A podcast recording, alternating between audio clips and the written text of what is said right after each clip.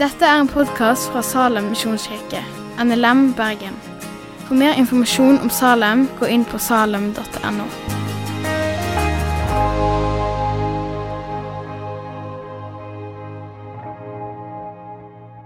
Utfrielsen fra Egypt. Dere skjønner det at eh, jeg er veldig glad i Bibelen, og jeg er veldig glad i Jesus.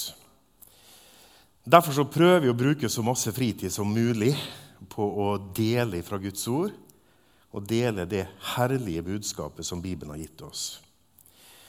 Og så Å få et sånt tema da, som vi fikk til denne lørdagen, her, er helt nydelig. Fordi eh, eh, Bibelen henger sammen med 66 bøker skrevet av 40 forskjellige mennesker cirka, over en periode på 1500 år. Men det henger sammen.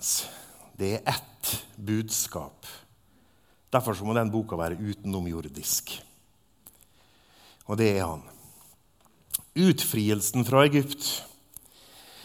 Og Da er det i 2. Mosebok 12 vi skal lese litt i dag. Eh, og vi skal lese sammen der, for der begynner nemlig reisa til israelsfolket ut av Egypt. Og vi har datoen på det. Så vi skal altså til eh, den 15. Nisan, som er da den jødiske kalenderen, ca. mars-april. Og det er jødene sin religiøse første måned, måneden Nisan. Ca. 1446 år før Kristus. Cirka. Ikke alltid like lett å telle år så langt tilbake, men noe sånt. Datoen er i hvert fall riktig, for den står det om i det vi skal lese. Så vi skal lese fra 2. Mosebok 12. Og da har vi juksa litt, så vi har lagt den her, så alle skal få se på den. Vi skal lese åtte vers her, og så skal vi lese fire vers til fra vers 11 etterpå. Jeg tror dere kjenner historien, eh, mange av dere i hvert fall. Så vi skal lese historien sånn som hun står, og så skal vi si litt om den etterpå. Herren talte til Moses og Aron mens de var i landet Egypt, og sa:" Denne måneden skal være deres nyttårsmåned. Så da veit vi det. Sant? Det var den første måneden. Den skal være den første av årets måneder hos dere. Tal til hele Israels menighet og si:" På den tiende dagen i denne måneden skal hver husfar ta seg ut et lam, et lam for hvert hus. Men dersom en husstand er for liten til et lam, da skal han og hans nærmeste nabo ta et lam sammen etter tallet på deres husfolk. Etter det hver eter skal dere regne folk på et lam.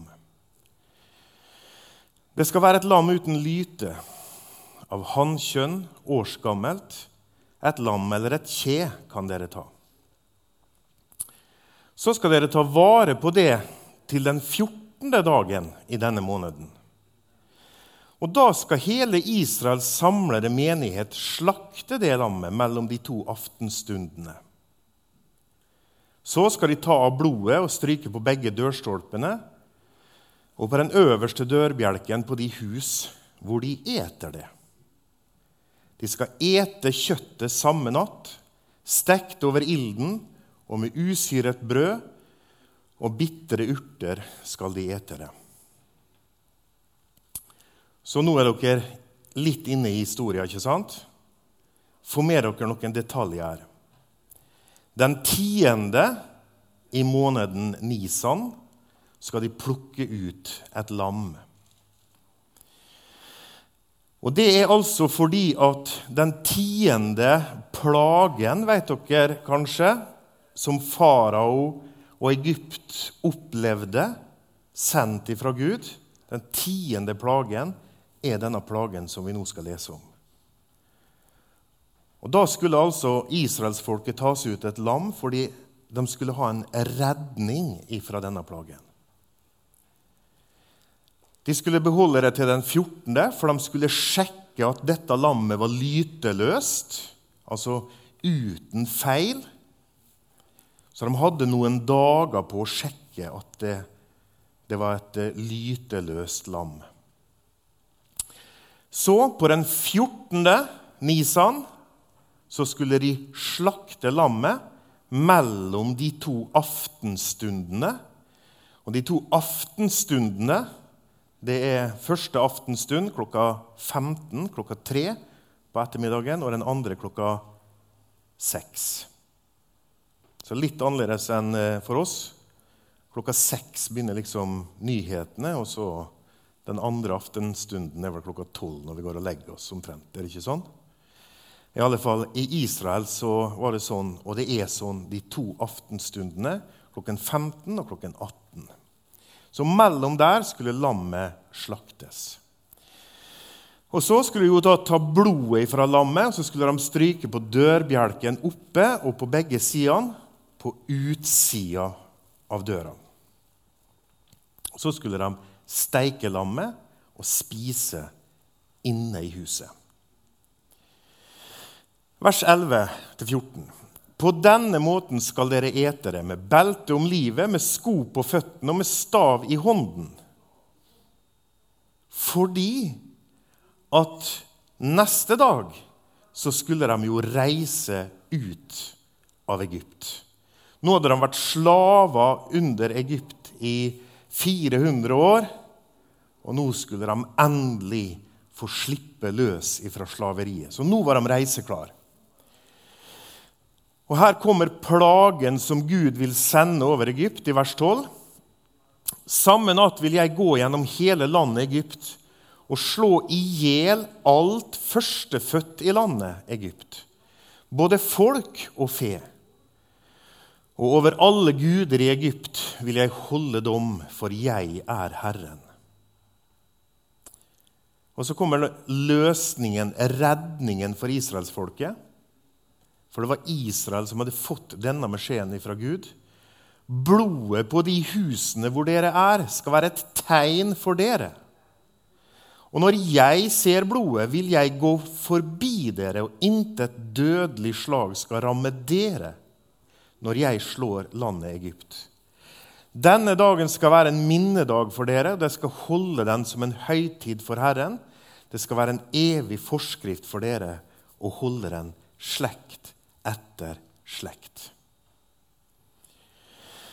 Så denne natta så går altså Gud, Herren, gjennom hele landet Egypt. Han skal ta livet av alle førstefødte, den eldste i hver familie, av dyr og mennesker. Den tiende plagen for å få farao til å la Israel reise. Redningen for Israel har Gud gitt dem, og det er altså en, en pussig redning. Altså, Gud visste jo hvem som var israelere. Hvorfor i alle dager skulle han lage det så komplisert? Dere skal ta et lam, så skal dere ha det i fire dager. Det må være prikkfritt lam. Så skal dere slakte det mellom klokka tre og klokka seks. Så skal dere grille det, må ikke koke det. Og så skal dere spise det om natta, og dere skal ha klær og sko på dere. Det var da voldsomt greier. Gud visste noe om som var israelsfolk. Han kunne jo bare ha gått forbi de husa. Gud har et opplegg på gang, og det er veldig spennende. 1500 år før Jesus så har Gud et opplegg på gang. Hvis vi nå går til tredje Mosebok, kapittel 23, så leser vi også om det som skjer når de blir løst ut fra Egypt. For i 3. Mosebok 23 så lister Herren opp alle høytidene som Israel skal feire. Og der er denne høytiden lista opp. Så sier Herren dette er, de hellige, dette er Herrens høytider, de hellige sammenkomster, som dere skal lyse ut til deres fastsatte tider. I den første måneden på den 14. dagen i måneden, mellom de to aftenstundene, da er det påske for Herren. Så påske var ikke noe som oppsto for 2000 år siden. Påske var noe som oppsto for 3500 år siden. Den første påska var i 2. Mosebok 12, når israelsfolket blir redda ut fra Israel på Guds måte. Og de unngikk dommen ifra Gud på grunn av et lam som ble slakta, og blod.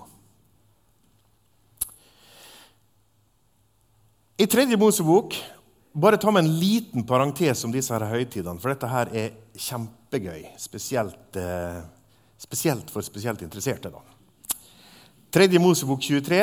Veldig lett å huske for de som husker Masta 323. Og Den husker kanskje ikke så mange, men Masta hadde nemlig en modell som heter 323. Så den, Derfor husker jeg det kapitlet veldig godt. For En kompis av meg han hadde en veldig brun Masta 323. Grusomt stygg. Men i 3. Mosebok 23 så leser vi altså om sju høytider som israelsfolket er pålagt å feire. Og disse høytidene feirer jødefolk i hele verden den dag i dag. De har feira disse sju høytidene her alltid. Påsken, de usyrede brøds høytid, førstegrødens dag, pinse basunklangdagen, den store forsoningsdagen og løvhyttefesten. Noen har dere kanskje hørt om. Påsken og det usyrede brøds høytid og førstegrødens dag det skjer på våren. Og det vet dere jo, for vi feirer i hvert fall påska. Den kjenner vi jo. De usyrede brøds høytid starta dagen etter den 15. nisan. Så den er omtrent samtidig.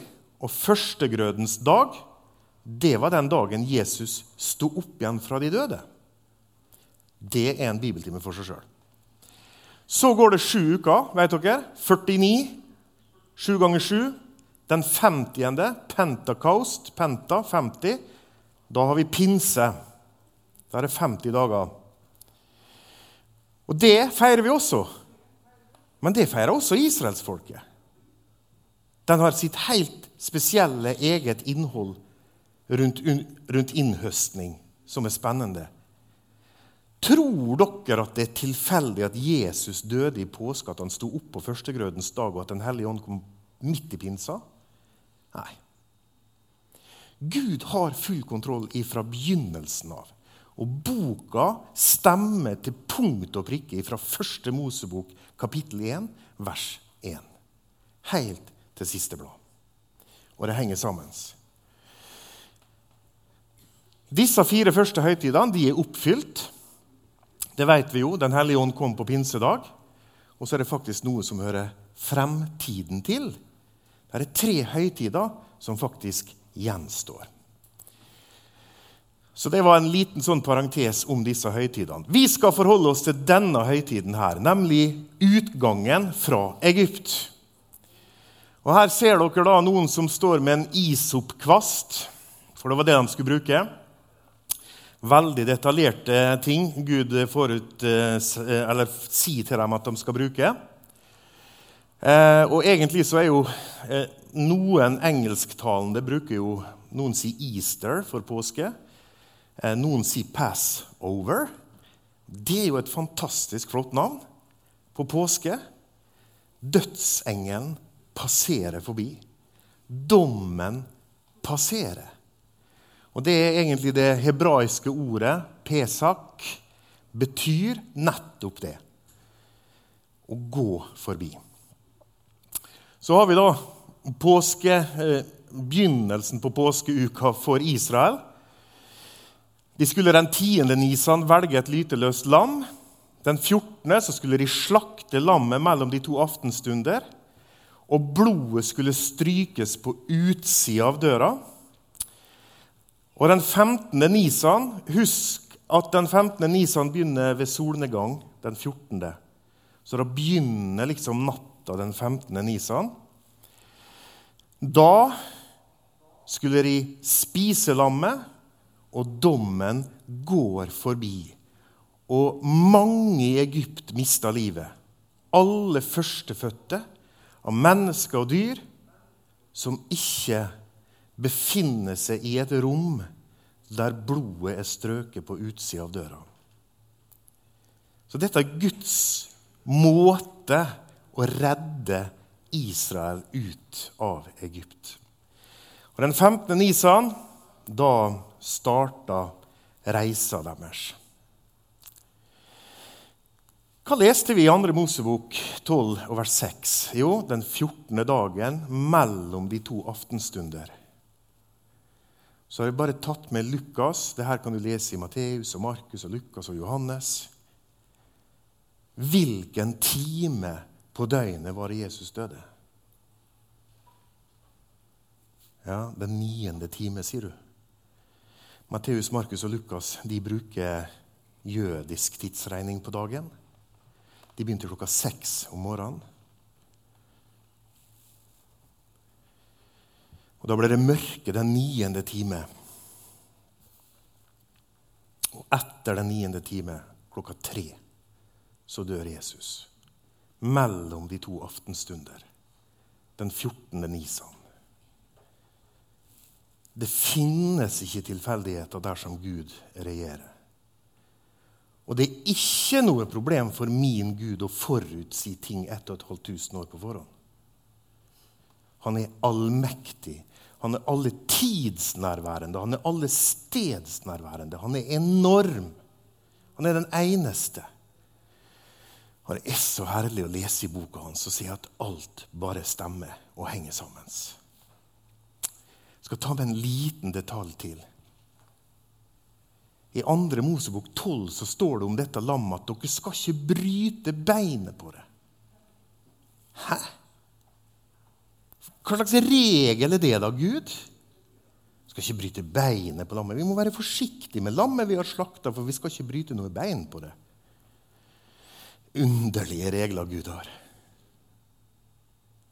Og så leser du i denne teksten som står under her Soldatene var pålagt å knuse beina på de som hang på korset. Så kommer de til Jesus.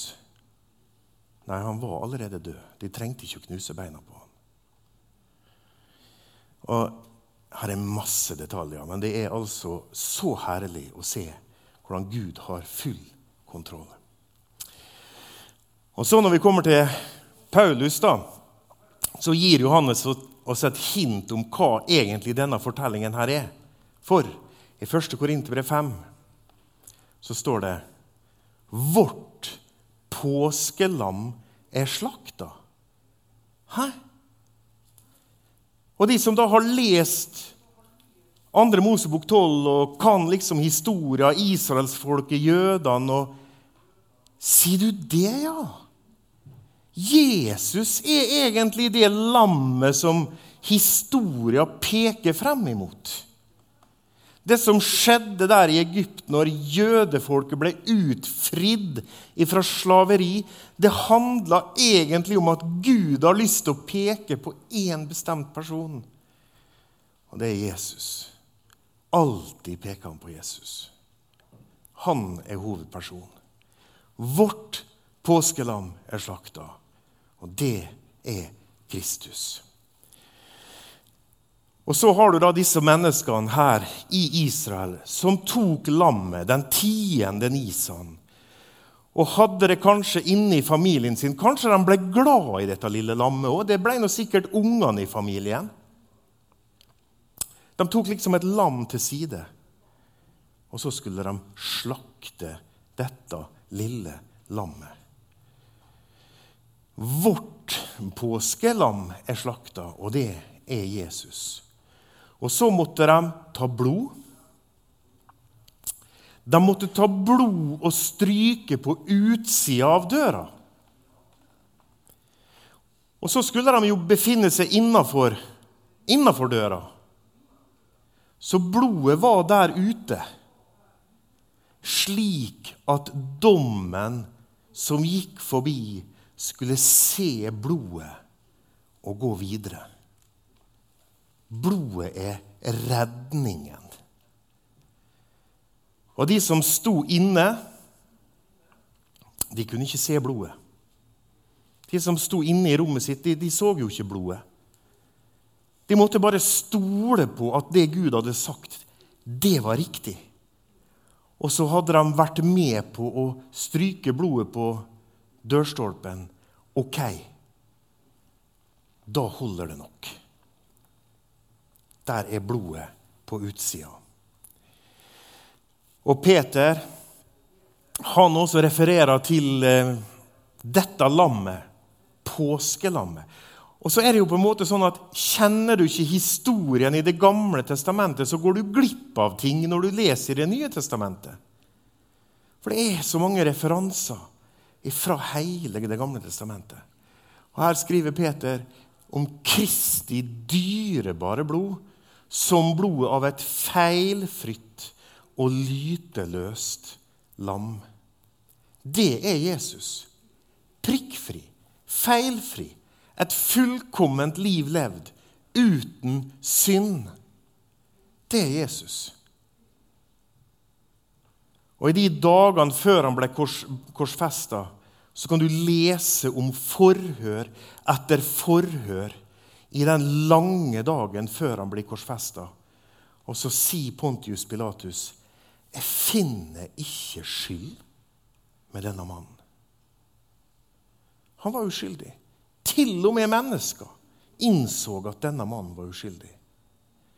Gud, sin egen sønn, var selvfølgelig uskyldig. Men disse her menneskene i, i Egypt, israelsfolk i Egypt, de måtte gjøre noe mer når de var ferdig med å slakte og de hadde smurt blodet på døra. Så måtte de gå inn gjennom døra for å være trygge. De måtte gå inn gjennom døra, for de måtte jo befinne seg i rommet bak den døra der blodet var. De måtte gå inn den riktige døra, måtte befinne seg i det riktige rommet. Ikke hvilken som helst dør. Jesus sier, 'Jeg er døren'. Det er ei dør. Det er bare frelse i ett navn, og det er i Bibelens Jesus. Ikke Jesus anno 2022 fordi han har jo endra seg så mye. Nei. Jesus mener det samme nå han som han mente for 2000 år siden. Gud mener det samme nå som han mente for 4000 år siden. Han har de samme meningene, han. Men at det er mange mennesker som eh, mener andre ting om både Gud og Jesus, det er det jo plenty av.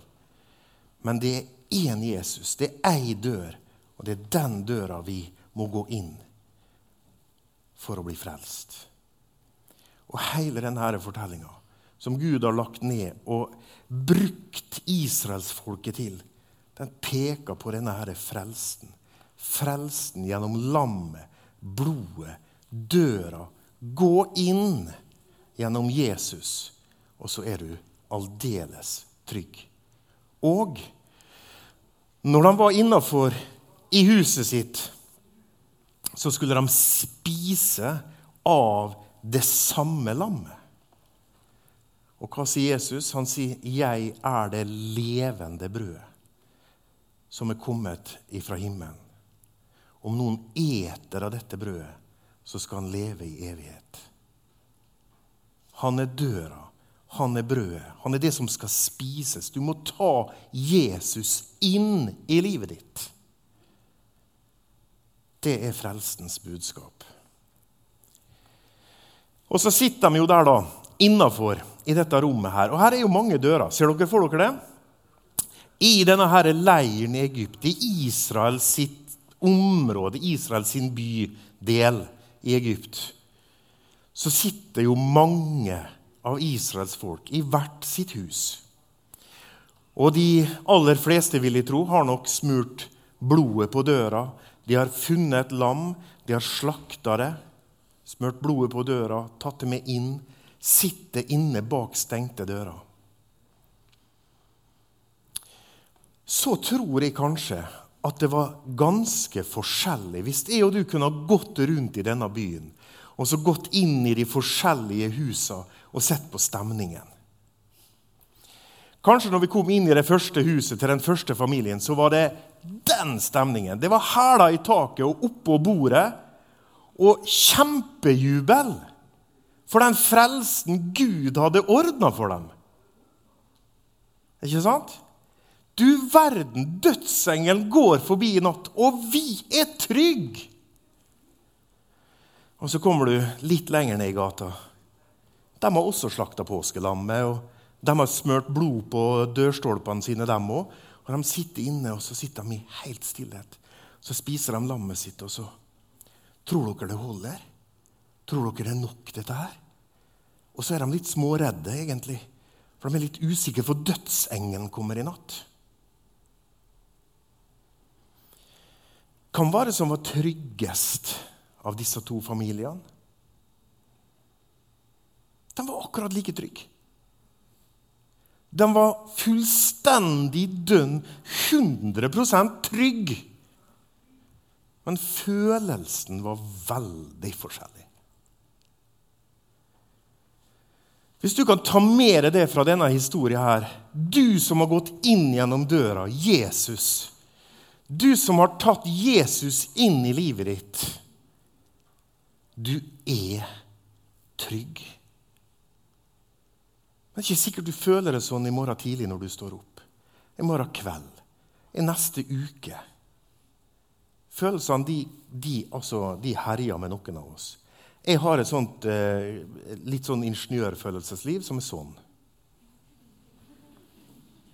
Så for meg er det egentlig ganske greit. da. Jeg føler verken det eller andre. Jeg synes det bare er helt greit. Så, så, jeg må liksom kikke i Bibelen. Jeg er frelst. Yes. Ok. Kjempegreier. For det står i Bibelen, ikke sant? Står det skriftlig i Bibelen, så er det greit for meg. Det er litt sånn, sånn, det er for meg. Men vi er jo så forskjellige. Noen har voldsomme følelser, og andre har ikke så mye følelser. Men dersom du tror på Bibelens Jesus, du har gått inn gjennom døra, og du har overlatt livet ditt i Jesu blod, så befinner du deg inne i et rom der blodet er på utsida, og dommen går forbi. Og så lever jeg og du et liv inne i dette rommet. Og hjelpe meg, nå har tiden snart gått. Jeg må få ta med Romerbrevet 5, vers 1 og 2. Fordi dette her er midt i dette bildet. Da vi nå er Jeg liker korte ord i Bibelen. Da, siden, fordi vi alle som hører Jesus til. Nå, ikke om ei stund, men nå er. Sant? Fikk du med deg alle orda? Da vi nå er. Det er ikke noe du skal bli. Du er rettferdiggjort av tro. Nå, på lørdag kveld. Her og nå. Du som hører Jesus til. Du befinner deg inne i et rom der blodet gjelder på utsida, og Gud ser det blodet som Jesus har ordna med. Og vi har fred med Gud. Har vi det? Ja, og så begynner du å kjenne etter. Hmm, har vi fred? Feil.